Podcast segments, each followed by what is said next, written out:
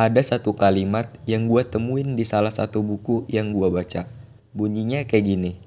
Sesuatu yang enak belum tentu baik. Dan sesuatu yang gak enak belum tentu gak baik.